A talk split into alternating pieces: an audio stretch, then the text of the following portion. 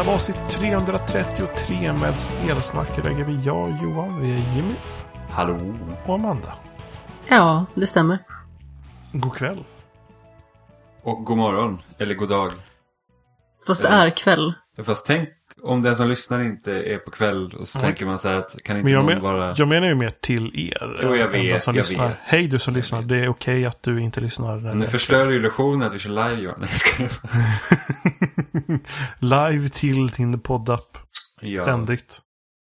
Kanske någon som är... Kanske säga godnatt också eftersom du laddar ju alltid upp avsnitten vid tolvslaget. Ja, va- varje gång som någon börjar lyssna på avsnittet så springer vi till våra datorer och börjar läsa upp manus. Ja. Det är jobbigt när de vill lyssna på två olika avsnitt samtidigt, folk. Det var länge sedan du var med Johan. Ja, det har varit Du- lite semesterturer fram och tillbaka. Ja. Faktiskt. Så vad har du hittat på? Eh, ja, förutom att ha semester så har jag väl spelat Last of Us 2. Sen har jag bara så här, slöspelat Fallout Shelter på mitt Switch typ. Fallout Shelter. Spelade du Fallout Shelter när det kom till mobilen? Ja, det gjorde jag. Ja. Jag har ingen aning varför jag spelade på mitt Switch, men det var installerat och så började jag spela när jag satt och kollade på TV. Alltså det finns ju någon form av hatkärlek någonstans till Fallout Shelter, tycker jag. Alltså det är ett sånt här spel som man bara så här, hmm, borde jag ladda ner det igen? Och så börjar man och så kommer man på att fasen, det här borde jag inte ha gjort. Det, det är inte det sämsta mobilspelet någonsin. Liksom. Nej, nej. Det, det är alltså ganska... det är inte dåligt på något vis. Jag tycker att det är ett bra mobilspel. Problemet är liksom att man blir så investerad och så upptäcker man liksom att det blir någonting fel eller så och så börjar man om. Jag vet inte hur många gånger jag har börjat om med det där skruttet. Jag, får typ lite så här, typ så här småångest när jag typ så här zoomar ut och ser vilket stort utrymme jag kan fylla. Jag har liksom hållit på, jag är liksom uppe i ett litet hörne bara. I några rum liksom. Bara, kan allt det här vara fullt? Det kommer vara hur jobbigt som helst. Och... Allt det här kan bli mitt. Alltså mitt, mitt största problem med Fallout Shelter det, är- det är ju som jag har med, med mycket liksom av den typen av mobilspel som kom ett tag. Vad är det här att du kan inte spela när du vill, du måste ju sitta och vänta. Ja, precis. man måste ju vänta på att olika saker laddar. Ja, och det är så här att jag, när jag precis hade skaffat en iPhone då spelade jag Tiny Towers. Som var så att man, då ska man liksom bygga, ja man ska bygga liksom ett, en, en skyskrapa. Och så att varje våning har ett visst tema.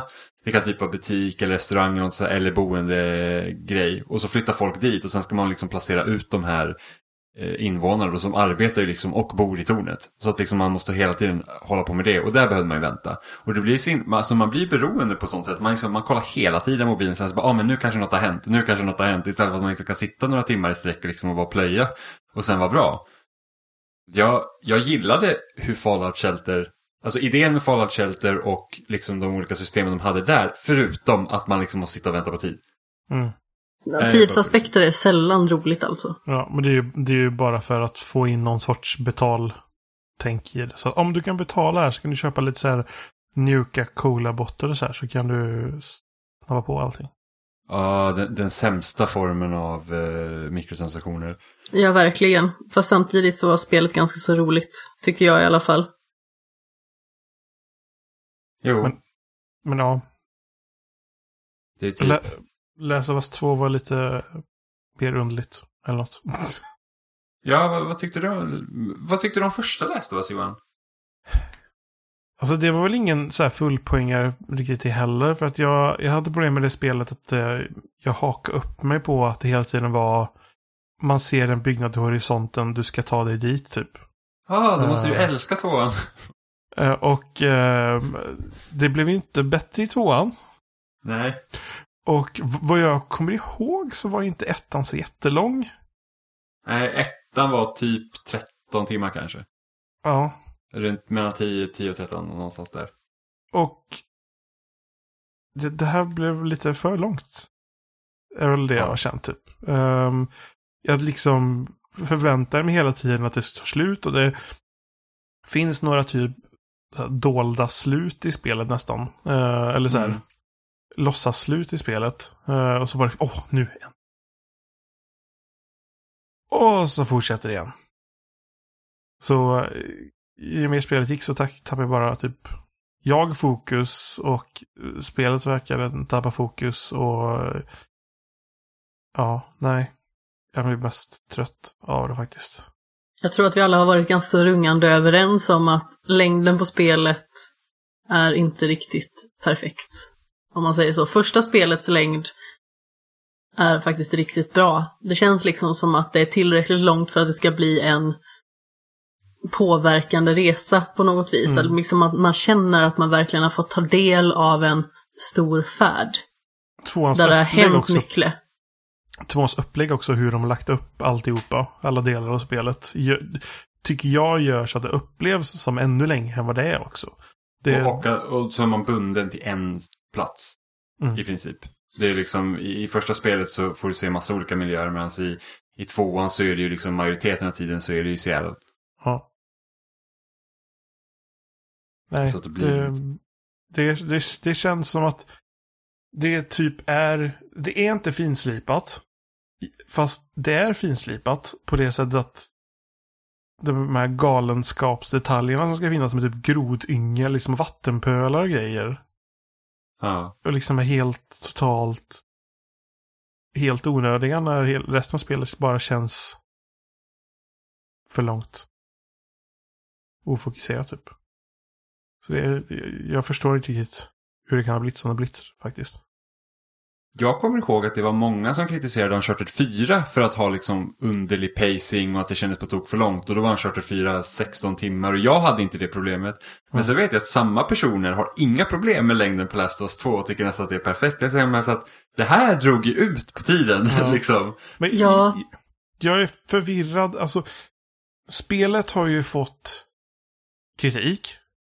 Men det har också även fått konstig kritik. Med folk som inte tycker om vissa karaktärer av olika anledningar och sådana saker. Ja, men folk med tveksamma värderingar. Ja, precis. Rövhattar. För att uttrycka det Eh, milt. Ja. Och det gör liksom att, jag vet inte. Det gör det liksom svårare att, att, att kommentera spelet på något sätt känns det som. Ehm, för det är liksom inget sånt som man har någonting emot överhuvudtaget. Och sen har jag även fått, alltså jag, jag har även fått så intrycket av folk som har inte tyckt om spelet och spelat klart det. Sen har de läst andra personers reflektioner och recensioner av spelet. Sen helt plötsligt så börjar de tycka om spelet. Och då, då börjar jag liksom bara, men kan man inte tycka om, eller liksom ha åsikter av spelet eller få känslor av upplevelsen när man har spelat klart spelet. Inte liksom när du har börjat läsa vad andra personer tycker. Så jag tycker allt i, vad folk tycker om spelet är bara konstigt. Jag förstår inte Sånt blir ju lite märkligt. Det känns ju som att vissa personer adopterar andra personers åsikter bara för att kanske ha någon form av relevans i diskussioner. Det blir lite Ja. märkligt.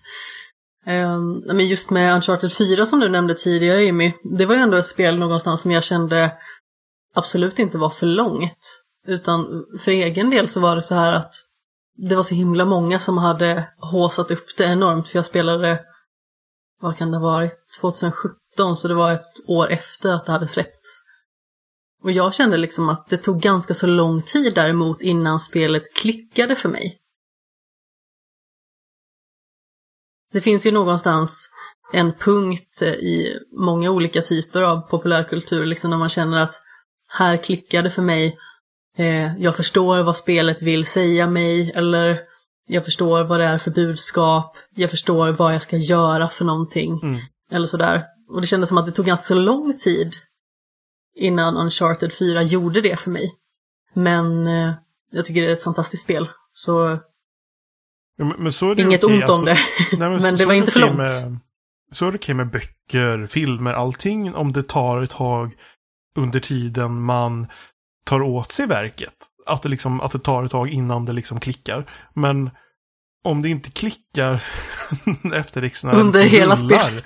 Då, och liksom efteråt, alltså det är helt absurt hur jag har sett vissa skriva om och prata om det här spelet. Jag, jag Ja, det är lite liksom besynnerligt. inte. Nej. Ja, det har ju blivit ett sånt märkligt äh, verk i eh, liksom det offentliga rummet på något vis. Mm. Det har verkligen blivit en sån här vattendelare som det känns som att det finns liksom ingen rimlighet åt något håll. Nej, det... Nej, det var ett, ett... Det var en konstig sak att lägga tid på. Ja, jag tror, jag tror det jag tycker mest konstigt med liksom runt diskursen kring spelet är ju det att typ att åh, men de här, de här grejerna eh, åh, det är så himla vågat och det här är första gången man ser det här i spel och så tänker man så här att men alltså om man tittar lite längre bort än AAA-spel så ser man att det här görs på andra ställen liksom. Eh, så det är väl typ, jag tror vi pratade lite om det förra veckan med Adam också, det var väl liksom här att att mycket av en stor, alltså den större spelpressen, alltså spelmedia, de spelar ja. för homogent. Ja. Men sen så ja. var det alltså med, med recensioner överhuvudtaget, med liksom faktiska liksom pressrecensioner, så fick de inte ens Nej. nämna på något sätt en, en del av spelet. Precis, och då är det så här att visst man förstår ju det här med spoilers och sådana här grejer, men liksom att det är ganska det är ganska stora grejer som man inte kan nämna vilket gör ja. att det blir jätte, jättesvårt att prata om mm. berättelsen i spelet. På, på liksom något större eh, liksom kritiskt sätt. Så att jag vet att Gamespot gjorde ju så att de släppte ju sin recension när embargot släppte liksom som, och höll sig till restriktionerna och sen så fort eh, spelet hade släppts då släppte de en till recension som var mm. med spoilers. Bara för att kunna liksom diskutera. För att det, det är jätteknepigt som recensent då liksom att så att okej, men jag gillar inte spelet på grund av det här och här. Eller jag tycker att de här och de här delarna väger över de andra negativa grejerna. Men så kanske man inte kan nämna det. Och då är det så att hur, hur ska man ställa sig i recensionen då? För att, ja, liksom... Då får man ju typ skriva bara, då kan man ju typ bara skriva att det fanns delar av spelet som, som sänkte betyget. Eller jo, jag som, vet, men det är liksom som förstörde min upplevelse. Det blir ändå jättestora frågetecken så att man ja, måste man liksom arbeta runt det. Samtidigt så är det så här att okej okay, men kan du inte gå med på embargot så släpp inte recensionen. Men då så att sidor som ska tjäna pengar det är liksom du får majoriteten av klicken samma dag eller när embargot släpps mm. och sen så jo, dalar det så himla mycket. Så det... det... blir ju så extremt mycket att man måste snacka runt det. Blir nästan att man förklarar saker i gåtor och hintar. Ja, så att det... Det är typ så här, liksom... har du läst det eller har du spelat det så vet du. Ja. Annars så eh, går det liksom inte att uh, utröna vad det betyder. Samma sak, jag har varit väldigt försiktig i sociala medier också när jag yttrat mig om spelet. Just för att folk har ju en tendens att vara väldigt känsliga. Och alltså jag kan förstå att man liksom inte inom citationstecken då vill få en upplevelse förstörd. Eh, på grund av att någon annan liksom inte kan hålla i hatten. Men eh, det är svårt att veta var gränsen går också, kan jag tycka. Så därför är det liksom bäst att bara inte nämna ingående detaljer någonstans. Kanske man får göra det i enskilda rum tills eh, själva den här storhetstiden efteråt liksom har fått passera. Mm. Ja, nej. Um, det, var, det var ett spel. mm. jag, vet, jag, jag, jag, jag, skulle liksom vilja ha, precis som många andra känner så att oh, men jag klarade ut spelet för två veckor sedan och jag har typ inte kunnat sluta tänka på det. Och jag så, här, så fort vi hade typ klarat det. Alltså sen dess har inte jag tänkt så här särskilt mycket djupare på det. Det var det det. Ja men lite så. Ja. Nu börjar i och för sig jag om på spelet ganska snabbt för att ta collectibles och sådana grejer för att jag skulle Ja, men jag tänkte att jag kan ta platinum i det för det var inte så svårt. Eh, men ändå så här att jag har liksom inte, det är liksom inte en upplevelse som stannar kvar hos mig på det sättet. Jag, jag är bara så här att okej, okay. liksom, första läste var så även om jag hade liksom kritik mot det också så kändes det så här wow vilken, alltså vilken resa jag var på. Ja. Det här är liksom så här att ja, ja, det, det, det var det liksom. Nej, jag känner väl samma. Jag var liksom, när jag var klar med spelet var jag liksom trött på det. Mm. Och jag kände liksom inget sug om ens liksom, tänka något nämnvärt på det egentligen. Liksom. Det... Nej, inte Nej. på långa vägar som första spelet i alla fall. Det höll sig inte kvar på samma vis. Nej, jag tror att det... mycket handlade om liksom att det kändes som att det blev lite utdraget. För det var många gånger som man satt så här, nu, nu, nu. Första spelet nu tar det slut. Jag... Nej. Jag tror jag aldrig genomförde en andra runda av första spelet. Men jag påbörjade en eh, sån där, vad heter det, New Game Plus eller liksom Mm. runda av det. Eh, direkt efteråt. Bara för att jag inte ville sluta liksom. Så även fast jag inte liksom, jag tycker att det spelet är världens bästa spel heller. Liksom, så är det väldigt stor skillnad för Mm. upplevelserna. Ja, jag tycker det fina någonstans med första The Last of Us, det är ju att även om man har spelat det fyra, fem gånger så kan man liksom fortfarande se detaljer som man inte upptäckt tidigare. Och då blir man lite glad inombords. Jag tycker sånt är fint, liksom, när man hela tiden upptäcker någonting nytt och det känns som att spelet fortsätter att ge till en på något vis i efterhand. Mm. Mm. Ja. Men jag tycker det är lite tråkigt också när det kommer komma till årets speldiskussioner. Alltså redan nu liksom när årets speldiskussioner så alla liksom antar liksom att Last of Us kommer typ vara det. Det är typ det och Cyberpunk. Jag tycker sånt är så tråkigt. När man liksom pratar om så här redan årets spel. Man, man liksom ignorerar så många spel. Nu, nu, nu är det såklart att Last of Us 2 är liksom en, en stor produktion. Liksom, det är klart att det kommer vara uppe liksom där bland toppen och slåss mot det. Men liksom det är så här att ja, man tar de två största titlarna om året för de har störst liksom, marknadsföring bakom sig. Ja. Och då liksom bara lyfter man upp dem. Man tänker liksom att det... Att, speciellt när det kommer liksom från spelmedias håll. Liksom, det är så att de borde ju på något sätt liksom försöka hålla eh, liksom, större koll på andra saker också. Inte bara liksom, det de blir matade med från PR-maskinen. Liksom. Det är lite tråkigt. Och det är väl... Det krävs mindre energi av att göra det också. Ja, och, Det- så, och som sagt, de skriver för att liksom, de ska kunna tjäna pengar. liksom, Ja. det, det är det att uppifrån, liksom, det är så att de här spelen ska vi täcka för att man kan inte skriva om liksom, vilken slumpmässig titel som helst. Liksom, för att det genererar ingenting. Så det är såklart det är en, det är en ond cirkel. Ja. Så, att, så att det är ju liksom inte så att det är ju hela systemet som är liksom fel på, om man säger så.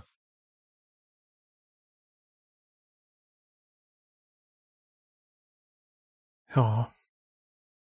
Men eh, jag har spelat ett annat eh, Sony-exklusivt spel. Som jag har hållit på med och jobbat med nu de senaste veckorna. Och det är Ghost of Tsushima.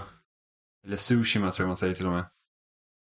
Eh, det släpps på fredag. Kan läsa min recension på Igår. loading.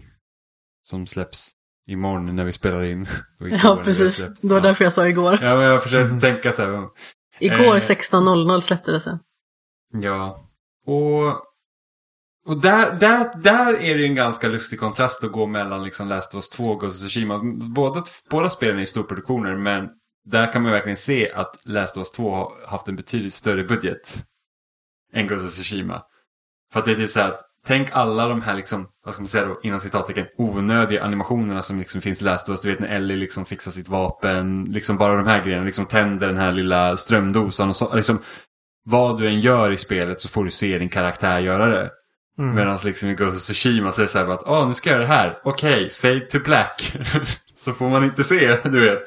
Eh, just för att det, det är liksom ett annat typ av spel. Det, de har liksom haft andra förutsättningar. Så det, och jag, jag kan inte komma ihåg senast jag liksom kände att här ser man verkligen produktionen. Liksom, vad, vad som man må, du har en studio som kanske inte gör, behöver göra samma prioriteringar som, som Sucker Punch behövde göra med Ghost Tsushima. Så det, det, det känns lite lustigt. Eh, men det är ingenting som stör helhetsupplevelsen. Det var liksom bara så att man går från ett spel till ett annat. Eh, väldigt lustigt. Men eh, Ghost of Tsushima så det utspelar sig på ön Tsushima som är under belägring av mongolerna. Eh, och då spelar man som en samuraj eh, som heter Jin då som ska Ja, det, spelet börjar helt enkelt med att man förlorar ett stort slag och sen blir man räddad av en eh, av en, en, en tjuv då. Eh, som, som hjälper en liksom att, att, att eh, få hälsan tillbaka och sen så ska man rädda sin farbror helt enkelt som är liksom han, jag vet inte, man kan, jag, man kan inte säga kung över Tsushima men han liksom är den som styr över ön då så att säga. Eh, han Överhuvud. Ja, överhuvud. Överhuvud över liksom ön. Eh, och då, då ska man rädda honom. Så det är liksom det som spelet... Det är liksom där det börjar. Eh, och... Och jag vet inte. Jag, jag känner liksom att... Alltså om man bara går in på berättelsen i spelet så... så det hade jag nästan hoppats på liksom mer. För att de, de gör vissa intressanta grejer. Så här liksom att ah, men samurajer lever efter en viss kod. Och det är liksom väldigt hedersamt. Och det är liksom en stor del därför att mongolerna liksom kunnat komma in och försöka ta över. För att de är helt enkelt förutsägbara. Eh, och jag tror att det även var så här mongolernas eh, taktik liksom, när, när de var som störst var ju att de gjorde ju saker som ingen annan gjorde. Det var ju därför det var liksom så himla sjukt att möta dem. Liksom. De, de, de alltså, totalt krossade liksom motståndet. Eh, men så då, då är man eh, liksom en samuraj då, så liksom väldigt så här, åh du ska gå efter heder, du får liksom inte hugga någon i ryggen och du vet sådana grejer, liksom en väldigt eh, stor del i det hela. Eh, men ju, när man liksom, ju längre in man kommer i spelet så visar det att okej okay, men det här är en sån stor övermakt så att det går liksom inte att hålla sig till då koden utan man måste liksom göra man måste göra andra saker. Eh, så det, det, är väl typ det mest intressantaste med huvudpersonen liksom i, i spelet. Det är ju det att han måste brottas med det där. Sen gör de väldigt lite med det mellan varven. Eh, för att just med tanke på att upplägget i spelet, alltså det är ju en öppen värld då. Och kartan är inte så här gigantiskt stor men det finns ju massa så här liksom saker att göra som, som, ett, ja, men, som ett open world-spel efter liksom post Ubisoft. Eh, så att du har ju liksom du har ju liksom dina huvuduppdrag och sen finns det sidouppdragen och sen så har du liksom så här collectibles och sånt som finns på kartan så du liksom kan springa efter. Eh, men det de har gjort då är att de har liksom kollat på andra open world. Så alltså, du har ju liksom det här typiska checklist-formatet typ Ubisoft. Även om det inte är lika liksom hårt satt som, som, som det har varit tidigare.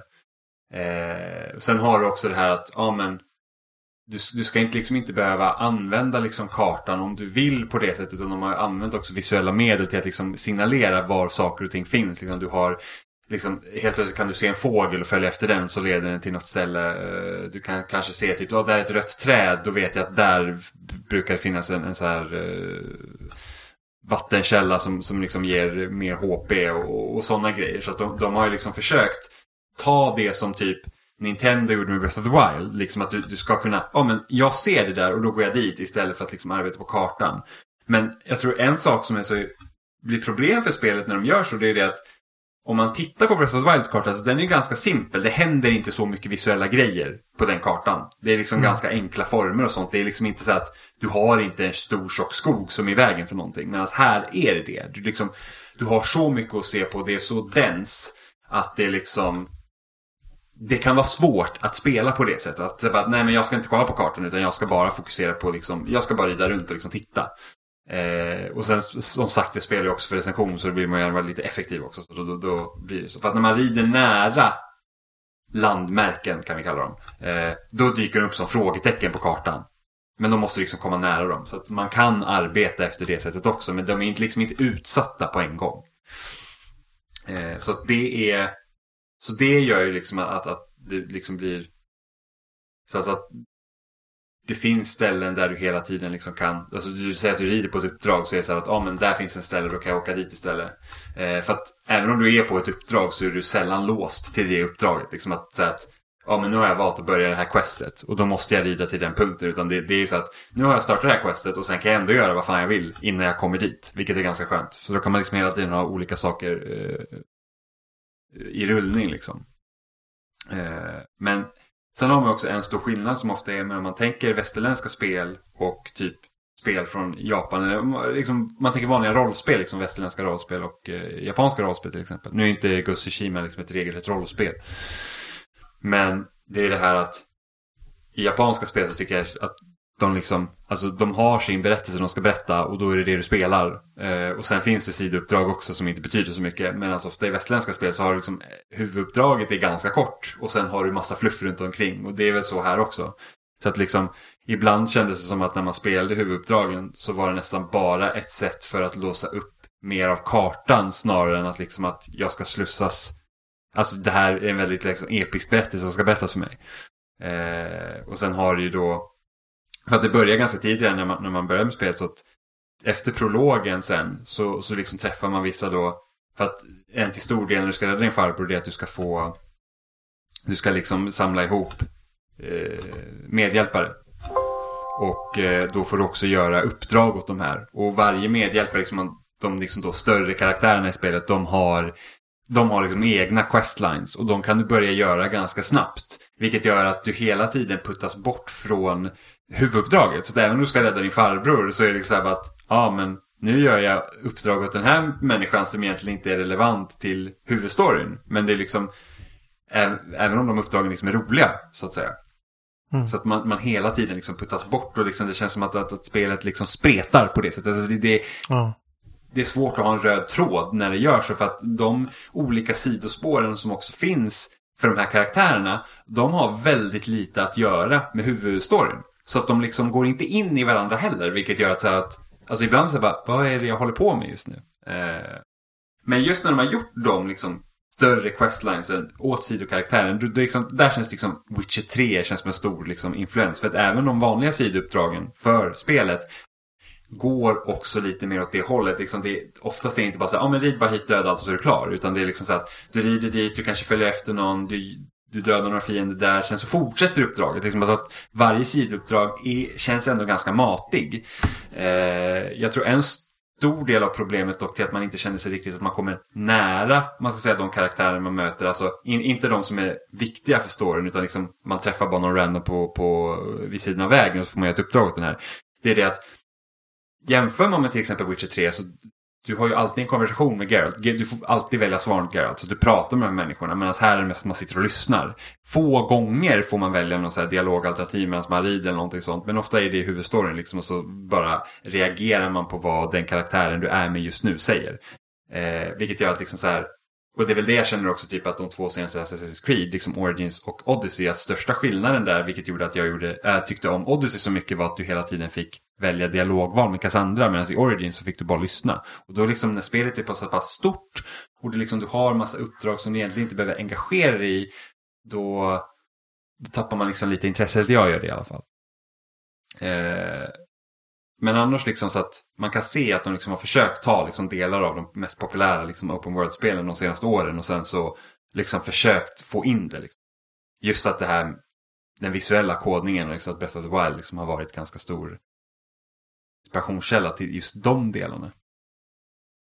Det, det är väl ändå kul. Sen så tycker jag väl att spelet är Alltså det, det, är bra. Eh, jag ska säga att spelet är bra. Men, men, det är liksom inget, det utmärker sig inte. För, förutom det visuella så är spelet jättesnyggt. Alltså det, det är liksom, det är helt otroligt hur, hur, hur fint det är liksom. Eh, men, men det är att du slåss ju, du är liksom en samuraj så du har olika liksom man får välja olika stances i spelet. Så att, så att man låser upp, eh, under, under spelets gång så låser man upp flera sådana. Så, och, och beroende på vilken fiende man möter så kan man liksom byta liksom en stance. Eh, liksom under stridens gång då så att man lättare kan ta ut dem. Och det är bara det att striderna, även om det blir fienderna blir lite svårare emellanåt, de får liksom lite starkare vapen, och kanske blir lite smartare. Eh, är att striderna ändrar inte karaktär jättemycket under hela spelets gång. Även om du låser upp nya attacker och sådär. Så det, liksom, det gör ingen jättestor skillnad. I alla fall inte jag spelar på normal.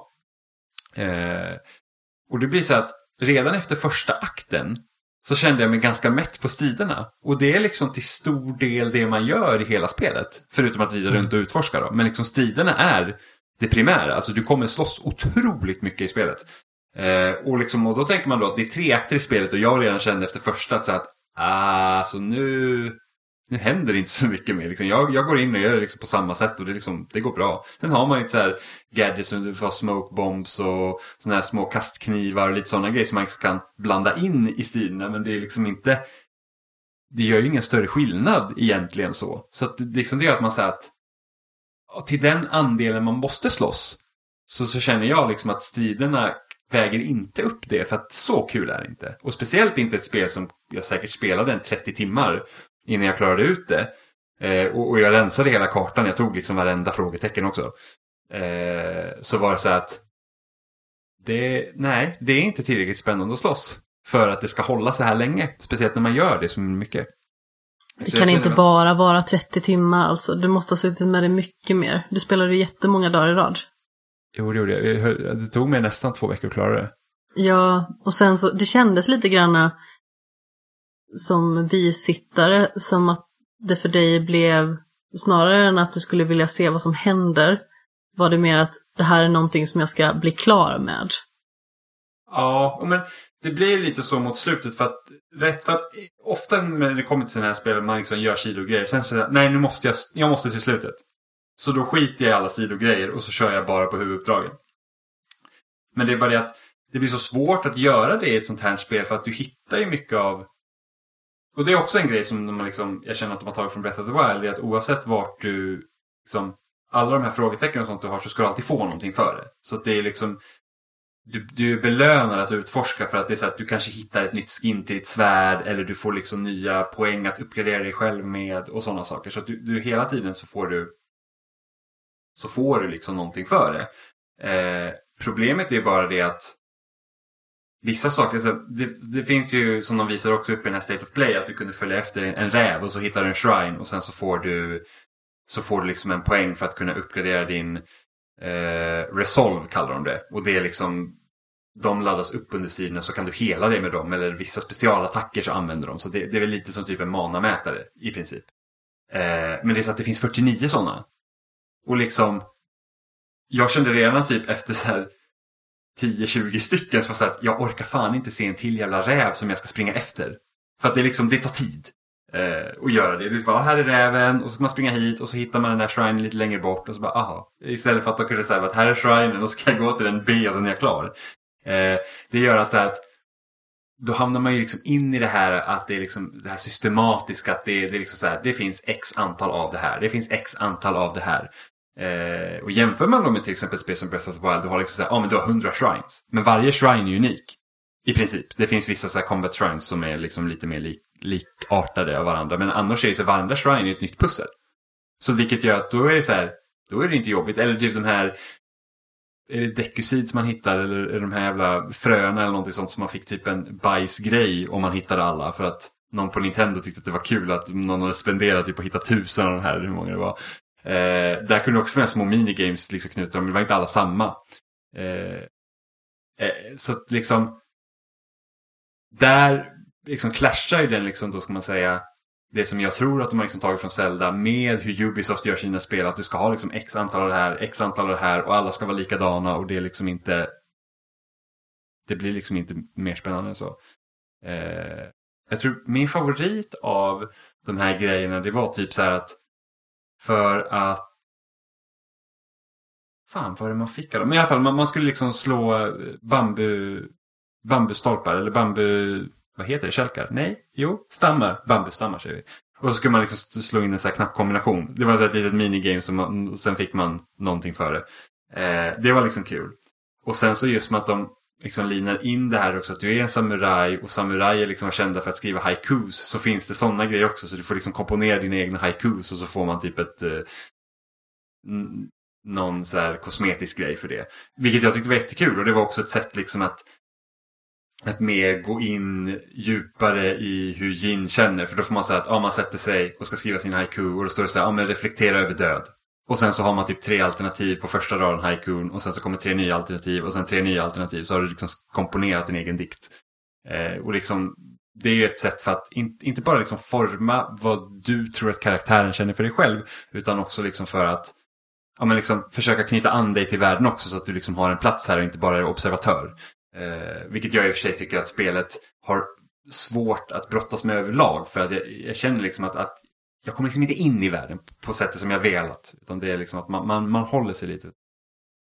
Eh, men jag tror favoritgrejerna med striden är att det finns vissa sådana här, eftersom, eftersom hela deras liksom inspirationskälla till spelet är liksom samurajfilmer. Det är liksom, åh, samurajpopulärkultur är så himla häftigt typ. Det, det känns som det är liksom det man tittar på. Det finns ju ett läge som heter så här Kurosawa Mode. Som, eh, då är hela spelet i svartvitt. För att det ska efterlikna de filmerna. Mm. Eh, och då finns det sådana här dueller ibland.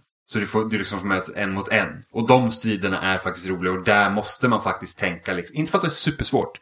Men där måste du verkligen liksom tänka på att okej, okay, vad har jag till mitt förfogande? Eh, hur ska jag använda det och komma runt och liksom sådär. Så de striderna är jätteroliga. Eh, och då, de liksom blir det inte för många av utan det, det känns som en ganska eh, lagom mängd av dem. Eh, men där är också striderna roligare. Istället för att ja, men som, de, som, som sagt de vanliga striderna så det är typ en blandning mellan typ gamla Assassin's Creed och typ Batman. Så att man sugs ju liksom åt till fienderna på ett sätt du kan liksom inte låsa fast vid en fiende utan du, du, liksom, du får rikta spaken och sen får du hoppas att du träffar rätt fiende för ibland så är det också problematiskt. Vilket blir jobbigt när man ska använda rätt stance till rätt fiende och så låser gubben fast dig på fel. Och du liksom kan inte, inte säga att nej men nu slåss vi mot den här gubben och så får du hålla dig där. Det går liksom inte. Eh, så är det. Men annars är det så här att jag slår vad om att, att, att älska folk typ samuraj. Alltså någon så här säger åh jag längtar efter ett samurajspel. Jag vill typ att eh, Assassin's Creed ska vara i feodala Japan sen eh, forever liksom. Då kommer man tycka att det här är kul. Jag tycker att det är som sagt ett bra spel. Eh, jag hade ändå eh, hoppats på lite mer. Jag hade, jag hade nästan önskat att de vågade ta större steg i, liksom, i berättelsen och liksom våga gå liksom djupare på huvudkaraktärens liksom, konflikt med hela den här samurajkoden. De gör det till viss del, jag önskar bara att det hade varit större del av det. Och sen det här med att du har en, en utomstående liksom, eh, makt som kommer in och invaderar. Alltså i princip då koloniserar liksom Tsushima. Liksom att det här, nu är det här vårt ställe. Och liksom vad betyder det för deras egen kultur? Och vad liksom, hur ska de förhålla sig till det? Det hade varit jättespännande om de liksom hade tagit mer tillvara på det. För att jag känner att det är lite så här missad potential. Det känns lite som att vi vill göra ett coolt samurajspel och sen så har man liksom försökt få in lite djupare delar utan att riktigt kanske komma till skott. Men jag tycker ändå att spelet, alltså när, när väl liksom eftertexterna rullar så tycker jag att de knyter ihop det på ett väldigt bra sätt. Eh, jag var väldigt nöjd med hur det, hur det liksom slutade. Det kändes liksom bra. Jag bara önskar att det var så mycket annat vid sidan om hela tiden som gjorde så att det kändes inte som man var på den här röda tråden liksom hela tiden. Att man liksom, ja men nu har vi verkligen varit med om en resa. Utan det kändes som att man liksom får det sprinklat lite här och var. Och när man liksom själv bestämmer sig att nu vill jag att det ska ta slut. Och så, så liksom öser man på. Eh, till slutet liksom. Men, men det, det hade nästan känts som att det hade behövt vara lite mer styrt. Vad man jämför typ ett spel som Sekiro. Som också är liksom ett samurajspel. Liksom om man tittar på hela FromSoft eh, deras liksom sätt att göra sina. För att deras världar är ju liksom typ öppna. De är inte liksom open world så att de har en stor karta liksom. Men du kan ju springa rätt så fritt i deras mm. världar. Eh, men de är ändå styrda. De går ju ändå liksom på så att, om en, det är ganska utstakad väg du, du går på. Sen så kan man liksom göra lite andra sidogrejer och komma runt. Så, men, men det känns ändå mer så att de vägleder spelaren mer eh, än vad Sucker Punch gör här. Eller om man tittar till exempel på Rockstar, hur de gör sina Open World-spel, liksom ta Red Dead 2. Det är liksom så att när du kommer till ett ställe, då är du där på det stället ett tag. Det är liksom inte som att ja, men du får swisha förbi världen fort, utan det är så att nu kommer ni hit. Och nu kommer ni vara här för att det här berättelsen utspelar sig just nu. Och, och har man då sidouppdrag och sånt vid det, liksom det stället, då hör det till där. För att du ska kunna liksom etablera dig själv där och känna att du är en del i världen där. Och det, så är det inte riktigt i Ghost of Tsushima eller liksom typ Ja men Ubisofts Open World är liksom lättast att ta det som exempel för att det är liksom så att du kommer till en stad men du är bara där för att kanske ta ett uppdrag eller kanske köpa lite nya grejer och sen är du vidare till nästa grej. Så att du liksom får aldrig, du får aldrig liksom vara hemma någonstans utan det är liksom bara, det här är din leklåda, lek. Snarare än att det här, här ska vi berätta för dig. Så att nu får du hänga med liksom. Eh, och det är väl det jag önskar att, att man skulle göra mer av. Och det tror jag mycket beror på liksom att Open World-spel den här generationen har varit så himla mycket av. Att det liksom, det känns inte lika spännande att hoppa in i ett Open World-spel som liksom utspelar sig precis som alla andra. Vilket gör att de här liksom grejerna känns liksom så här att, åh, inte igen. Det var precis som förra generationen när man typ så här, åh, ett linjärt first person shooter. Oh, the joy. liksom, det här har vi inte sett förut. Eh... Sen vet inte jag liksom vad, vad kommer Sucker Punch göra med den här, alltså den här serien sen. Mm. För att, så som det här spelet är just nu så fungerar det ganska bra som liksom det här spelet. Det behöver liksom inte finnas ett Ghost of Tsushima 2. Om man säger så. Utan det är liksom, det här känns som en ganska bra, liksom, säga, egen grej helt enkelt. Men visst, alltså vill, vill man, vill man döda lite mongoler som en samuraj så kör hårt liksom. Men eh, är man trött på den här typen av open world-spel så kanske man kan vänta lite. För att det, det är väldigt mycket liksom av sånt som man har sett jämt. De senaste liksom sju åren. Blir du, blir du sugen att spela nästa Assassin's Creed efter du har spelat klart det här då? Alltså här att jag vet att jag kommer spela nästa Assassin's Creed. Det är, liksom, det, är, det är ingen ens idé att jag ens försöker förneka att jag inte kommer spela Assassin's Creed Vikings liksom. Eh, jag tycker att den kvinnliga vikingen ser ashäftig ut. Alltså, alltså Ubisoft hade ju sin jäkla Ubi Forward igår. Eller i måndags då, för er som lyssnar på onsdag. Eh, nej, söndags kväll. Gud, det är måndag idag. eh, och jag tycker bara att hon ser, hon ser så jäkla häftig ut. Eh, men, men ja, jag kommer spela det. det. Det är jag helt säker på att jag kommer göra. Men det är inte så att, det, det är inte... Jag känner inte för Assassin's Creed Valhalla som jag gjorde när Assassin's Creed 3 skulle komma ut och jag var så peppad. Liksom var så att, åh oh, yes det är ett nytt Assassin's Creed. Utan Assassin's Creed hamnar liksom i det facket att det kommer ett Assassin's Creed. Som, ja. Precis som COD var ett dag, liksom, åh det kommer ett nytt COD. Men det känns lite som att Assassin's Creed är ett sånt här spel som att det går liksom inte riktigt att bli pepp på det på något vis. Det är lite som att ja, det kommer ett Fifa varje år. Ja, alltså... Det är väl kul att det är ett Fifa liksom, men det är inte precis som att det kommer att hända något revolutionerande. Nej, Origin kände jag mig mer pepp på bara för att det liksom, de gjorde om serien där. Det var ju till och med så att jag var pepp på det. Ja. Och vad besviken jag blev. Sen, ja, jag, jag är lite besviken också. Sen har de liksom med Odyssey så, så faller de lite mer liksom tillbaka i sitt. Alltså det går mer till det här att Alltså Origins kändes så att åh, de har tittat på Dark Souls och sen så Odyssey blir lite mer så här, åh, de har typ tittat på andra rollspel där det liksom ska typ, åh, loot, gud vad kul. Eh, och sen så Valhalla vet jag inte riktigt. Det ser ut som en blandning av nya och gamla Assassin's Creed för att de liksom tar tillbaks social stealth som serien baserades på från första början. Att man liksom kan gå inkognito och liksom gömma sig i, eh, i olika folksamlingar och sådana där grejer. Vilket har helt saknats i, i de två senaste delarna.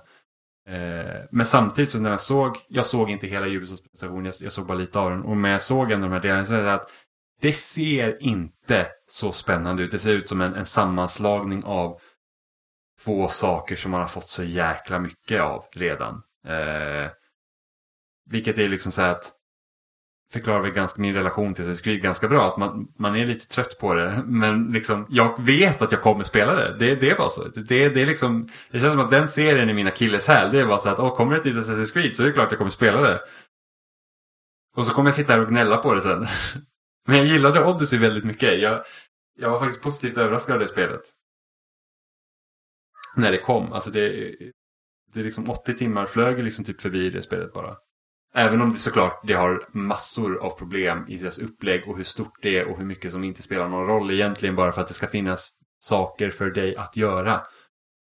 Men eh, ja, jag kommer spela Valhalla. Jag tycker dock att det är jättesynd att man säger bara åh här är ett spel om vikingar, låt oss inte sätta det i Skandinavien och sätta det i England istället. Och det känner jag så här typ att åh, någon på Ubisoft har sett Vikings och är ett stort fan så att de ska göra Vikings the game. Ja. Och det är liksom jo. så himla tråkigt när det finns så mycket. Alltså, ta något, alltså vi har varit i England i flera spel. Vi, hur ofta har vi varit typ i Norge eller Danmark? Eller liksom... Oh, men nu, nu är du i England ännu tidigare. Ja, så att det är liksom så att... För det, det känner jag väl överlag med Assassin's Creed. För att jag vet ju att när typ... Ja, men när Assassin's Creed 2 kom eller första Assassin's Creed kom så att de... De spelen var historiskt förankrade men de var liksom inte knutna till så här jättestora historiska händelser. Så att det var ju liksom så att, och det var väl där lite serien gick fel sen, att man måste liksom pracka på allt som folk känner igen. Liksom amerikanska revolutionen, franska revolutionen. Eh, liksom att det är viktigare för dig att komma till sådana här stora liksom historiska beats. Så att du liksom får spela dem än att man liksom bara det här skedde i bakgrunden av historien som vi känner till och det liksom inte gått riktigt rätt till. Liksom att man, man hela tiden måste liksom göra de här stora grejerna och det känner jag väl lite så här att det finns ju fler som bor i England än vad det bor i, uh, i Norge eller Sverige. Så det betyder att fler kommer köpa spelet om man det låter spela sig i England istället. Mycket möjligt. Men jag, jag, alltså, jag, jag slår vad om att det är Vikings-grejen som, som har gjort ja, att de liksom Ja, för, för att, det, det, luktar Vikings. Ja, och då var ju liksom, och då tycker jag att Vikings var ju betydligt spännande som serie när den inte utspelar sig i England hela tiden. Eh, eller ja, hela tiden. Den utspelar sig inte ens mestadels i England men det var mer spännande innan de kom dit så att säga. Eh, för det, alltså, det hade varit skit, alltså du har ju så här Birka och, och, och Kattegatt och alla andra de här liksom typ viktiga knutpunkterna för Skandinavien. Varför inte bara göra en berättelse där när de är så frånkopplade från Alltså det är så långt bak i tiden att det är liksom du behöver hitta på en berättelse och sen så har den löst historisk anknytning. Det behöver inte vara liksom Englands kung som jag nu inte minns vad han heter som var jätteviktig på den här tiden. Liksom att, va, va, vi har sett det redan liksom, i populärkultur för inte så länge sedan. Så att, eh, låt, låt det vara, gör något roligare. Ja, alltså så länge någonting fungerar så är det ju nästan mer intressant när man får veta saker som är i bakgrunden. Kan jag tycka i alla fall. Då blir det liksom som att ja, men det här hände parallellt med den här referenspunkten som vi känner till. Och då kan man på något sätt knyta an till det utan att det blir direkt. Ja, men det var ju som typ Assassin's Creed 2. Då var det så att, ja men här är liksom kända tavlingar som gör... Tavlingar? Tavlor? Som, som, som gömmer liksom så här typ kons, konspiratoriska bilder liksom. Eller, eller du hade Leonardo da Vinci vilket redan då kändes så här weird att man hade en så här jättekänd person. Men liksom han var ett, han liksom hjälpte Ezio. Och sen liksom att det, det räcker liksom att hinta och knyta till. För att man tänker ändå typ Templarorden och Assassins och allt det här. De ska ju liksom arbeta lite mer i skuggorna. Så att då, då behöver det liksom inte vara så att ja, ah, självklart har vi the most badass Templar som styr hela världen liksom. Ska vi sitta här sen om typ 50 år. Det är så att Templarorden styrs av Trump eller någonting. det blir nästa historiska person. Åh gud, tänk, tänk i framtiden om det kommer finnas spel med Trump. Ja. Ja, men det, det är liksom så att det... Assassin's Creed Make America Great Again. Ja, oh, för. Usch. Direkt uppföljare till Assassin's Creed 3. Ja, nej. Ska du spela Valhalla, Johan? Jag tror inte det. Ska du spela Valhalla, Amanda? Alltså, jag är lite skeptisk ändå. Precis som jag sa tidigare så det fanns ju en liten eh, ådra i mig som var spänd på Origins när det kom. Och sen så kom Odyssey. Och det enda jag såg var liksom bara, det kommer vara större. Och då kände jag liksom direkt att det kanske inte riktigt är någonting för mig. Även att liksom vad jag har fått lära mig av folk liksom i förbifarten. Så skulle det liksom vara ett lyft med tanke på karaktärerna som man kan välja och sådär. Um, och att det liksom är mer intressant än vad Origins var. Och jag kan någonstans liksom se tjusningen med själva omgivningen, liksom hela den här vikingatiden och sådär. Men eh, jag tror att jag får vara en surtant även den här gången och kanske inte spela det. Men eh, vi får se. Eh, jag vet inte, jag känner mig faktiskt inte så jättepepp i allmänhet på många storspel just nu. Precis som jag eh, nämnde i början av året så känns det liksom som att 2020 blir liksom skämshögens år. Och jag har faktiskt inte spelat så jättemånga nya spel, känns det som. Har varit eh, lite småspel och sen The Last of Us naturligtvis och eh, naturligtvis eh, även Animal Crossing.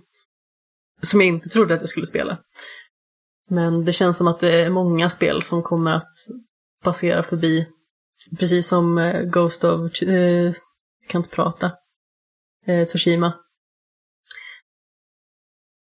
Och även då Assassin's Creed Valhalla. Och jag, jag, känner liksom inte så jättestor pepp för Cyberpunk heller om jag ska vara helt ärlig. Vilket är lite sorgligt för att jag tycker ju om The Witcher otroligt mycket. Det är ju liksom högt upp på min topplista bland spel jag har spelat. Men jag känner liksom inte samma lust att spela det på något vis. Och det är lite synd, för det kommer ju liksom kanske inte så jättemånga stora spel just nu.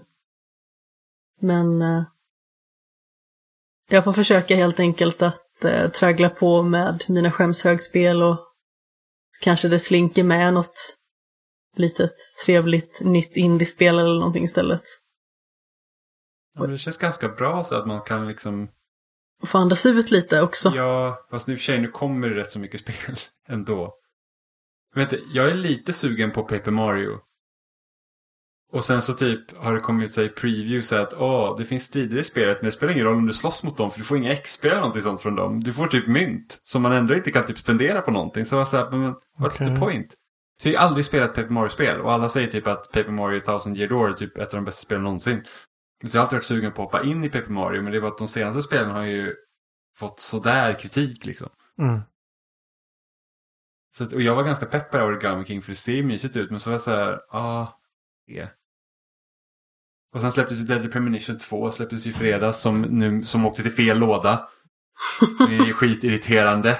Jag bara skriv, skriv fucking Göteborgsadressen och så bara, ja ah, men nej vi skickar den till Stockholm i alla fall för att why not? Jimmy kanske var full eller någonting sånt när han skrev i adressen och bara typ random droppa en ny adress. Och bara, nej dit ska den nog inte, vi vet Nå- bättre. någon försökte vara snäll där på Ja. Postnord och rättade till det. Stackars snubbe, han har ju ingen koll. Nej, nå- Han vet nå- inte att den ska hem till honom själv. Nå, nå, nå, någon sitter vet du, på Göteborgs postkontor och bara Jimmy Sepper, nej sån har vi inte här. Det finns inga finnar i Nej Alingsås. men lite så, för att det är liksom, hallå. Det, ja, alltså jävla det måste ju typ ha sett någon så här. För att man får ju, när man beställer webbhallen och bytte adress då fick jag ju signera med eh, BankID. Bara för att liksom här att, jo men för att jag inte ska liksom skicka det till någon annan och sen så bara ignorera typ. Men det verkar inte spela någon roll. Så fuck it. Så att, att det ska jag spela någon gång. Eh, Och jag har väl för, fått förlika mig med att Super Meat Boy Forever lär ju inte komma den här generationen. jo alltså det, fan vad är det nu då? Ursäkta mig. Det var, det, jag läste någonting om Super Meat Boy Forever. Nej just det, det var Microsoft släppte ju sån här... Eh, eh, kan det vara två veckor sedan, då släppte de lite sån här ID Xbox eh, videos. Så här spel som eh, kommer. Och där var Super Meat Boy Forever med, men det var inget datum på det. Nej, det har ju stått eh, hur länge som helst nu att det ska komma 2020. Och eh, Inte det i kom förra början... året till och med. Det var precis det jag skulle komma till. Ja. Eh, egentligen skulle det kommit i april 2019. Så man vet ju liksom inte riktigt vad det blivit av det och det gör mig lite sorgsen. För det är ett spel Vilken som jag som verkligen har... spelet då? Det är Team Meat. Precis. Det är samma som eh, gjorde första. Okej, det är båda... Jag har för att det är båda... Det är, jag måste kolla.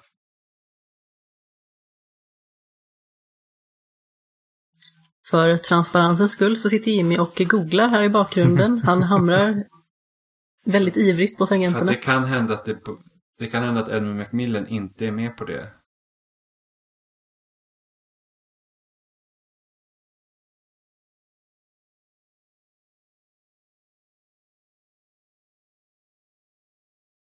Det står Team Meat men det är designers Tommy Refenis och Kyle Pulver. det ser inte ut som Ja, att så Edmund... han, är inte- han är inte med. Nej, det ser inte ut som att Edmund Macmillan är med. Jag tror det var tvärtom snarare, att det var han men inte okej. Spännande. Ja, Jag hoppas ju på att det kommer ganska så snart. Sen så vill jag ju naturligtvis att eh, Disco Elysium ska släppas på konsol snart. Ja, jag är så himla irriterad på att jag missade det spelet förra året alltså. Det står ju också sådär, kommer 2020 någon gång. Ja. Vänta så får ni se, eller något i den stilen.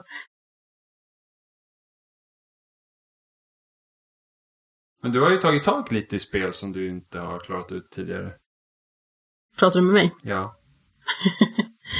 Ja, fast det är ju faktiskt ett nytt spel. Jo, men det kunde ha blivit ett gammalt spel om du inte hade tagit det. det kunde ha blivit ett gammalt spel. ja. Ja, jo, det är väl sant. Jag började spela det här när det kom i eh, våras och sedan så eh, kom det lite saker i vägen och så tog jag någon halvtimme här och någon halvtimme där och sen så började jag nöta på med det och eh, blev klar med Final Fantasy 7 Remake för några dagar sedan. Och vet nu inte vad jag ska göra med, med mitt liv, typ. Okej, så illa är det inte, men eh, jag har liksom inte efter det känt att ah, men det här vill jag verkligen spela och bli klar med. Eh, utan det känns som att det behövde lägga sig lite grann. Så jag satt faktiskt då föga förvånande spelade igenom eh, Sayonara Wild Hearts. Som ett litet... Eh, jag vet inte vad man ska säga ja, men nästan som en liten palettrensare på något vis. Alltså, nu är det ett spel som jag spelat innan och det är lätt att ta sig igenom och man bara liksom får lite känsla och lite kärlek och sådant. Det, det kändes väldigt bra. Det är ett spel som jag älskar, så det kändes skönt. Men eh, Final Fantasy 7 Remake var ju ett eh, fantastiskt spel. Jag tycker ju att det mest fantastiska är ju de här strömlinjeformade partierna. Där man får ta sig liksom mellan olika platser och man får se olika miljöer och hur de skildrar dem i relation till originalet och man får liksom stöta på olika karaktärer och jag tycker allting är så extremt välgjort. Alltså fingertoppkänslan i Final Fantasy 7 Remake är ju något så enorm. Verkligen.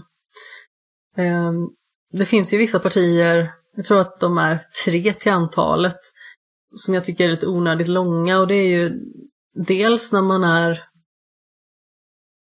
i eh, sektor 7 och springer runt och har en lite mer öppen karta man får utforska. Göra lite uppdrag och hjälpa människor med olika saker som eh, kommer dem för just då.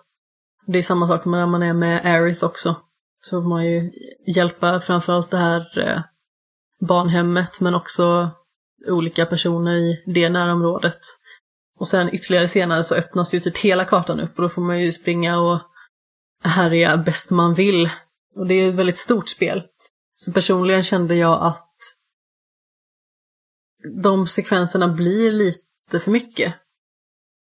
Det är väl kanske min största kritik till spelet, att de faktiskt har lite mer öppna delar, för jag tycker att det känns onödigt. På det sättet. Sen så finns det ju saker som kan vara roliga att göra. Jag eh, gjorde ju eh, de här eh, knäböjsutmaningarna och eh, pull-up-utmaningarna på gymmet. Som eh, man sitter liksom och gör olika typer av knappkombinationer och ska man följa den kombinationen om och om igen i ett rörelsemönster. Eh, och försöka göra så många repetitioner som möjligt då av eh, nämnda övningar. Så först är liksom en, en utmaning då när man kan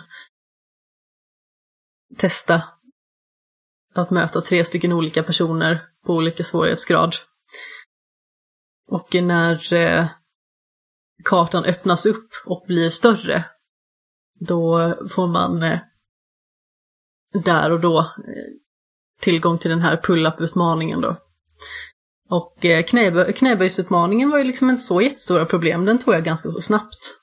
Även att jag blev lite irriterad när eh, helt orimligt Cloud trillade på röven för att han har ju typ ingen rumpa att tala om så jag förstår inte hur baktung han skulle kunna vara. Eh, däremot pull-up-utmaningen var jag lite... Jag har nog aldrig sett en, en kontroll vara så nära på att åka ut genom fönstret utan att faktiskt göra det som det var då. Alltså det var typ så här Ja, den var svår. Jag klarade inte den när, när, när jag spelade så att den är lite svår. Sedan förlorade England. Vad fan! Förlorade andra gånger och då jävlar då tog det eld direkt. Alltså, Amanda var så på dåligt humör när hon gjorde den här jäkla pull-up challengen. Alltså det, det var liksom så här, det var som ett åskmoln i hörnet på vardagsrummet liksom. Det är orimligt! Hör man bara. Och så bara, men det går bra, du kommer klara det till slut. Bara, jag har inte gått och lägger mig förrän det är klart. Och mycket riktigt så gick jag inte och la mig förrän jag hade klarat det. Nej. Ja, det var... Så enveten vinner, eller någonting. Ja. Det var inte barnvänligt ska jag säga. Jag är inte så barnvänlig i allmänhet. Nej, det var... Usch, det var, det var så riktigt ett åskmoln. Ja, jag var lite besviken kan man väl lugnt säga. Lite besviken. Förbannad. Ja, okej, okay, om man vill ta det till de längderna så. Ja, jag var väl förbannad. Jag tyckte att det kändes som att eh, spelet fuskade. Och det kändes väldigt orimligt faktiskt. Som du yttrade tidigare i din eh, väldigt vackra imitation av mig. Det är precis så jag låter när jag är arg. Ja. Um, Nej men det var skönt när jag klarade det i alla fall. Då ställde jag mig upp och sträckte armarna i luften och eh, skrek hurra. Eller någonting i den stilen. Skrek hurra. Hurra! Utropade jag. När jag hade klarat min pull-up challenge. Ja, Och Jules hade fått på nöten. ja. På tafsen skulle jag till och med vilja sträcka mig och säga. Ehm, nej men som sagt, eh, det var en rolig grej i alla fall i spelet som eh, jag kanske eldade upp mig lite onödigt mycket över att jag inte klarade i eh, första taget. Men som sagt, det går att dra lärdomar av det här också, att eh, man ska inte ge upp. Nej, Där hör ni barn. Jag gav bandet mig upp på den för jag var va, alltså det sämsta, jag, alltså jag är verkligen sämst på att komma ihåg knappkombinationer och liksom köra den typen av timing. Alltså jag är helt värdelös på sådana eh, utmaningar. Och jag, jag satt en timme med det och så bara, vet du vad? Nej, det, det här behöver jag inte göra. Jag satt typ och skallade takten tror jag. Ja, Du, du satt och sa också höger, vänster, bla bla. Alltså vilket du skulle, vilket du skulle liksom, Ja, nej men precis. Jag satt och väste samtidigt som jag gjorde de här knappkombinationerna. för, för att det som händer är att de visar ju liksom mönstret och så får du följa med mönstret och sen försvinner liksom det visuella hjälpmedlet till det. Så att du har liksom inte, du vet inte om vilken, alltså det är alltid samma mönster som du kan liksom göra snabbare och snabbare. Men det är bara det att när du inte kan se takten då blir det liksom svårare. Ja, men precis. Så istället för att till exempel säga fyrkant, cirkel, triangel, kryss, så satt jag liksom någonstans eh, vänster, höger, upp, ner, vänster, höger, upp, ner och så repeterade det. Fast jag väste. Det erkänner jag. För att jag eh, försökte vara så pass trevlig så att jag inte skulle störa Jimmys eh, Ghost of tänder. Det Tsushima-spelande. som kom ut ur munnen. Det var så det är. Vadå, det är så det är? Får mig att låta jättehemskt. Jag är ganska så trevlig också ibland. Ehm, inte då. Då, då är jag inte nådig, kan jag säga. Men jag sov väldigt gott efter det. Lut. ja, Vad har du gjort? Det var en pers. Challenges? Ja, har du gjort det? Nej, jag tryckte några knappkombinationer. ja. Nej, men sen så fortsatte jag nöta på spelet. Jag eh, struntade ganska så mycket i det här stora öppna området. För jag kände liksom att nej, så svårt tycker jag inte att spelet är så att jag behöver liksom göra massa olika uppgraderingar. Det kändes som att det kommer inte ge mig så mycket mer att eh, hjälpa någon tant att bli av med en råtta någonstans. Utan eh, jag spelade vidare i själva huvudberättelsen och tyckte att det var alla tiders, verkligen. Och eh, slutet var förpillat snyggt. Så jag, jag ser verkligen fram emot eh, fortsättningen och hur de faktiskt ska spinna vidare på det här i framtiden. Jag, jag älskade den här upplevelsen, den var fantastisk. Sen som alltid så är jag lite trög på att komma igång med saker, men när jag väl kom igång med Final Fantasy 7 så kändes det verkligen som att eh, det var det jag ville göra när jag hade en stund över. Och jag var väl klar på 30 timmar, 8 minuter eller någonting i den stilen. Så jag är väldigt nöjd med min upplevelse. Men jag vill bara passa på att eh, peka lite finger på eh, herr Jimmy Seppele också.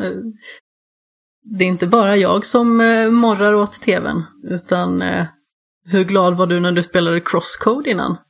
Jaha, men jag kan också vara sur när jag spelar. Det säger jag ingenting om. Men alltså, det är skillnad på att vara sur och sur. Ja, Fast du var sur. Alltså, jo. Men, Det kastades ganska så många ilskna så här, ja, oh ja, oh ja, oh ja. namn och Det- grejer på eh, karaktärer ut genom rummet. Ja, Någon som, eh, för att skriva om det hela, blev kallad för koprofag och lite annat spännande. men eh, så jag spelar Crosscode som har precis släppts på Game Pass på Xbox. Eh, som är ett ett 2D-rollspel som är där, vad ska man säga, det är inspirerat av de klassikerna som kom på 90-talet, typ Chrono Trigger och, och Final Fantasy 6 och alla de där. Eh, bara det att det är inte omgångsbaserade sidor utan det är helt det är helt i realtid. Så man liksom, det, det, är näst, alltså, det fungerar lite som ett hack and slash nästan med toppvy. Liksom. Så att det, det är liksom fartfyllda strider hela tiden, vilket är ganska kul. Eh, och man spelar ett MMO i det spelet. Så att du, du, du är liksom, du är en karaktär i spelet Cross eh, Code då. Eh, och sen så liksom, och de andra karaktärerna träffar på är ju också spelare. Så att liksom, när de liksom pratar med varandra så sa de att ah, men det här gjorde jag idag och jag har inte kunnat logga in på ett par dagar så att det var lite länge sedan vi träffades. Liksom sådana grejer. Så att det är typ, om man gillar man typ mangan hack så är det liksom åt det hållet. Liksom att man säger att det är det här spelet de spelar som är typ en huvudperson. Liksom, och så ska man försöka eh, liksom komma på mysterium och, och sådana här grejer. Och det är en stor grej i det här spelet, den karaktären man är har liksom typ hennes karaktär har minnesförlust eller något sånt. Eh, och, och har något fel på typ eh, röstgrejsimojsen så hon kan inte prata. Så att det är liksom... Eh, röstgrejsimojsen? Ja, men de har något så här, okej, okay, det är något fel på hennes karaktärs voice chat så hon kan inte prata. Okej, okay, det är röstchatten ja, som det är fel på. För jag bara så här, stämbanden. Ja, men det, det är något så här så typ att eh, hon har någon så här... det var inte helt solklart det Hon där. har någon hackerkompis som hjälper henne och försöker typ programmera in nya ord för henne att säga, vilket jag tycker är lite så konstigt. Eh, så att det är liksom, eh, en stor del av mysteriet är då att veta varför man liksom inte har typ minnet kvar och sen så att, att liksom hitta den här eh, hemligheten som, som, alltså som spelet egentligen handlar om liksom. De ska, man ska hitta något typ så här, någon, så här ancient relics och grejer. Typiskt fantasy-grejer. Men alltså just det att här är det ju liksom inte någon så här eh, saga som du egentligen spelar utan det är ju då att du har riktiga personer som spelar avatarer som, som, som spelar det här spelet. Eh, jag tycker att spelet är, det är rätt så kul. Eh, just för att de, de blandar väldigt friskt mellan du har ju de här striderna som jag pratade om tidigare och sen är det liksom du har typ Zelda-liknande tempel som nästan helt och hållet är pusselbaserade. Så att du, du har väldigt få strider i templen utan det är nästan bara pussel. Eh, vilket gör att liksom att ja, är det bara strider så kan man bli trött på det eller är det bara pussel så kan man bli trött på det. Eh, men här liksom blandar de ganska friskt. Dock så är många av de här pusslerna är liksom så här, de går ut på tidsbaserade grejer och ibland måste du typ ha millimeterprecision för att klara av vissa saker. Så det är så här att Ja, alltså det, det kan bli något frustrerande. Speciellt typ...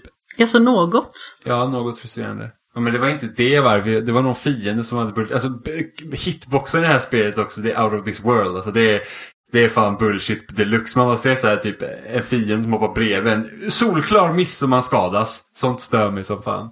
Och sen så när man typ själv slår med sitt svärd så om man står för nära en fiende så träffar du typ ingenting. Så då, då ja.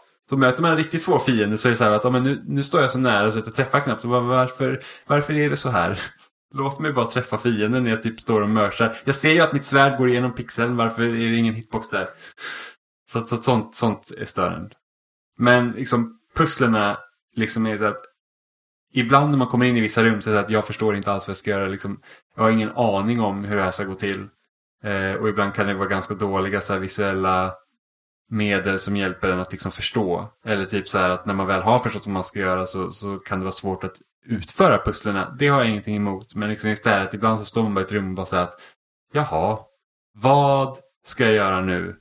Eh, och när det kommer lite så här olika regler. Och ibland liksom, vissa pussel jag löser bara att jag vet inte ens om det här var den rätta lösningen. Jag klarade det förvisso. Men det kändes som att jag fulade mig igenom den. Så det kan vara lite irriterande. Eh, men an annars är det en ganska rolig idé just med att ha liksom så att ah, men ni spelar ett MMO. Eh, jag vet inte hur, jag tror inte det är så stort team någon som har gjort det. Jag har varit på Steam Early Access tidigare. Jag tänker bara på typ så här Scooby-Doo i cyberrymden. Det är inte riktigt Scooby-Doo. Nej, jag vet. Men jag tänker lite på det, för där blir de ju inskickade i ett tv-spel. Nah, typ Jumanji-grejen då? Ja, fast bättre. Ja, jag har bara sett första Jumanji. Scooby-Doo är jättebra. Ja. Scooby-Doo är bra. Men Crosscode, alltså visst.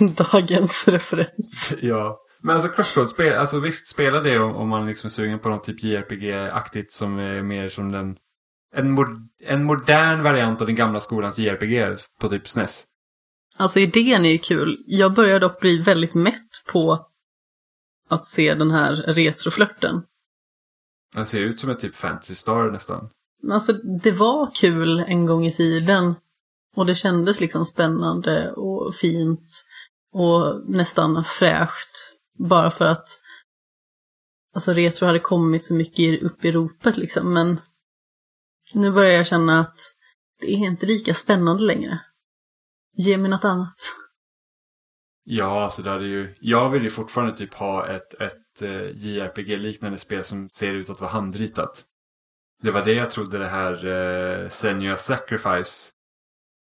Nej, inte Senua Sacrifice. Vad heter det? Som kom... Du, du har ju Lost Sphere, det spelet, Amanda. Det har jag. Ja, spelet innan det. Som de gjorde. Va? Jag kommer inte ihåg vad det heter nu. Eh, det var inte Senua Sacrifice för det är Hellblade. Men då var det också något så här typ att... Menar ja, du det här som såg ut som eh, Final Fantasy 6 ungefär? Nej, alltså det var 3D. Alltså det, det, Ah, det, det, såg ut som ett spel. Alltså det såg ut som typ Final Fantasy 6 om det hade varit 3D-modeller istället för sprites. Om man säger så. Oj, eh. På Switch. Ah, PS4. Men, Se. Sök på Lost Sphere. Jag kommer ihåg Lost Sphere-spelet. Jag köpte det nästan enbart för att jag tyckte att omslaget var snyggt. Is det Tokyo RPG Factory? Det är... är I am Setsuna heter det. Eh, och det trodde jag liksom skulle vara att åh, det ser handmålat ut, men det var liksom... Det var det inte. Men alltså... Ja, just det, det ja. Men, eh, men alltså Crosscode, det, alltså, det, Visst är det typ någon form av körsbärsblom eller någonting sånt ja, på men- Men det är framsidan? också vintermiljöer. Utspelar sig. Men det är, det är att du ska ju ta, det är ju Setsuna, hon ska ju liksom, hon ska ju offras. Så det är det liksom spelet handlar om, att du ska ta henne till, bli en offergåva. Vad trevligt. Mm. Eh, men Crosscode, kolla in det definitivt. Det, det, det, är faktiskt, det är faktiskt bra. Jag hade ju önskat att jag skulle kunna få någon sån här typ revelation i år med ett spel som jag fått förra året med Outer Wilds, året innan det med eh, eh, Hollow Knight. Att man liksom, man spelar ett spel och man bara wow. Liksom det här. Det, det är liksom bra skit om man säger så. Celeste. Ja, eller Celeste, precis. Celeste var också jättebra. Eh, att jag hade gärna velat haft något sånt. Och jag tror närmsta i år jag liksom har fått så här typ att åh, jag kan inte tro att det är ett spel. Det är nog Final Fantasy 7 faktiskt. För jag kommer ihåg jag sa, jag var så här att jag är så glad när jag spelar det här spelet. Är bara, jag kan inte tro att det här faktiskt existerar typ. Och då har inte jag den här nostalgiska kopplingen till Final Fantasy 7. Utan jag, bara, jag tycker bara remaken är så himla bra.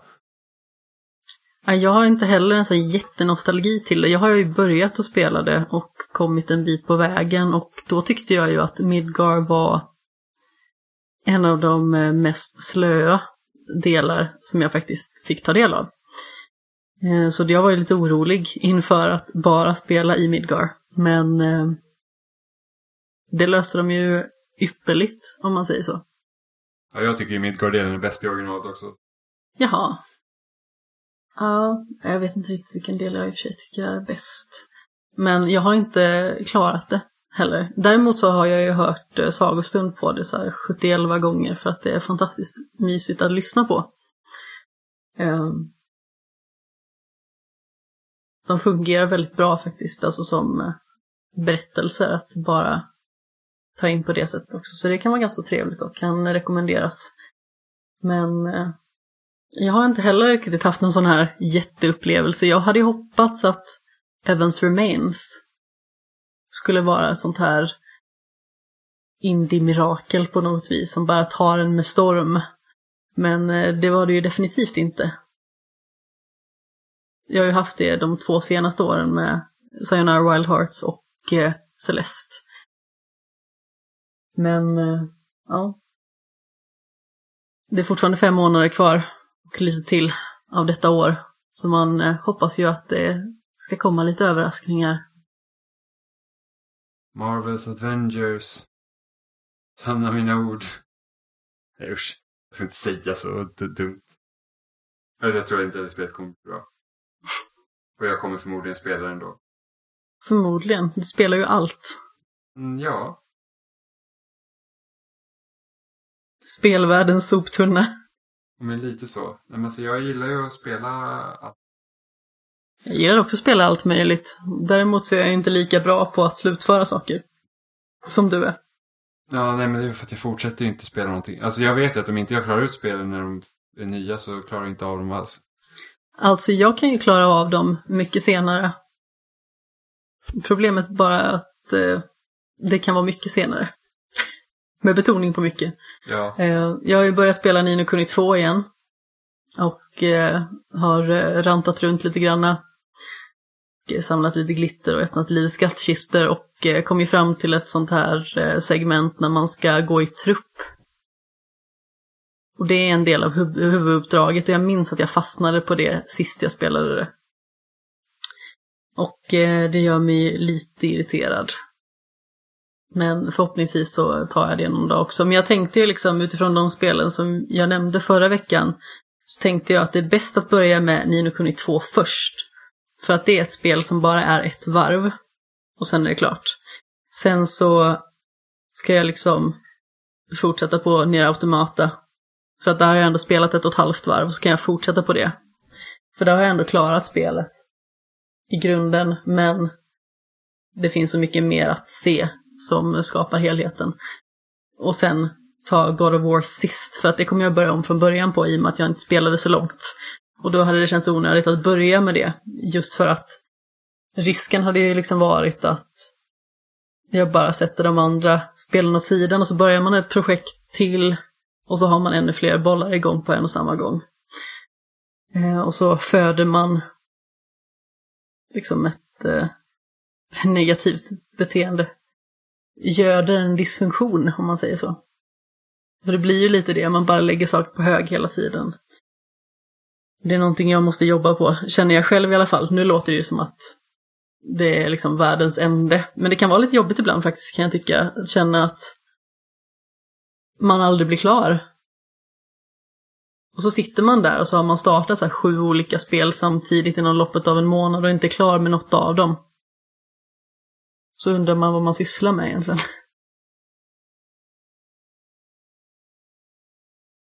Så det får väl eh, bli att plöja Nino Kuni helt enkelt till varje pris.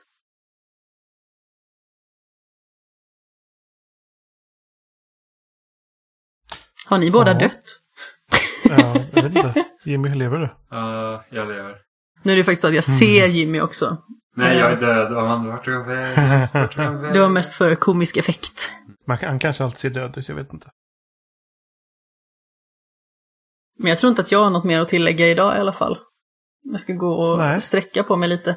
Jag sitter numera på en liten pall och jag har upptäckt att varje gång jag reser mig ifrån den när vi har poddat så känns det som att röven är helt platt. För den är ganska hård att sitta på.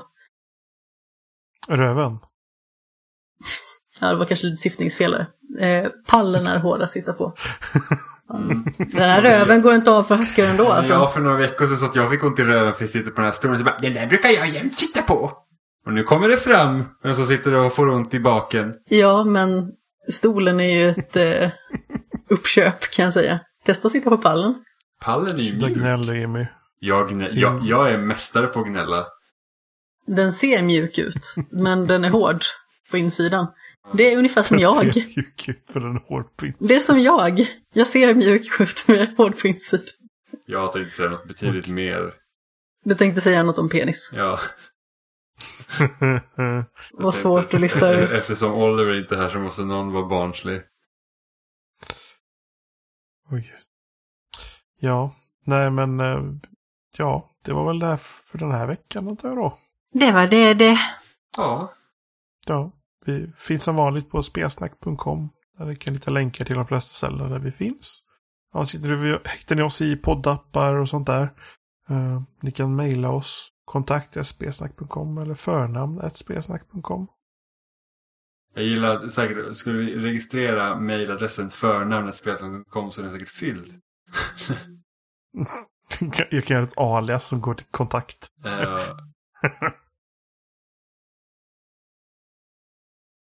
Ja, nej. Ja, vi dyker upp på loading.se. det gör vi. Ni kan kommentera där om ni vill. Annars kan ni skriva oss till, skriva till oss lite, ja, här och där. Skriva oss till. Skriva oss till. Vi, vi skriver oss till. Vi skriver till er. Kan läsa mer recensioner av Ghost Tsushima också. Ja, gör det. På loading alltså. För de som inte visste.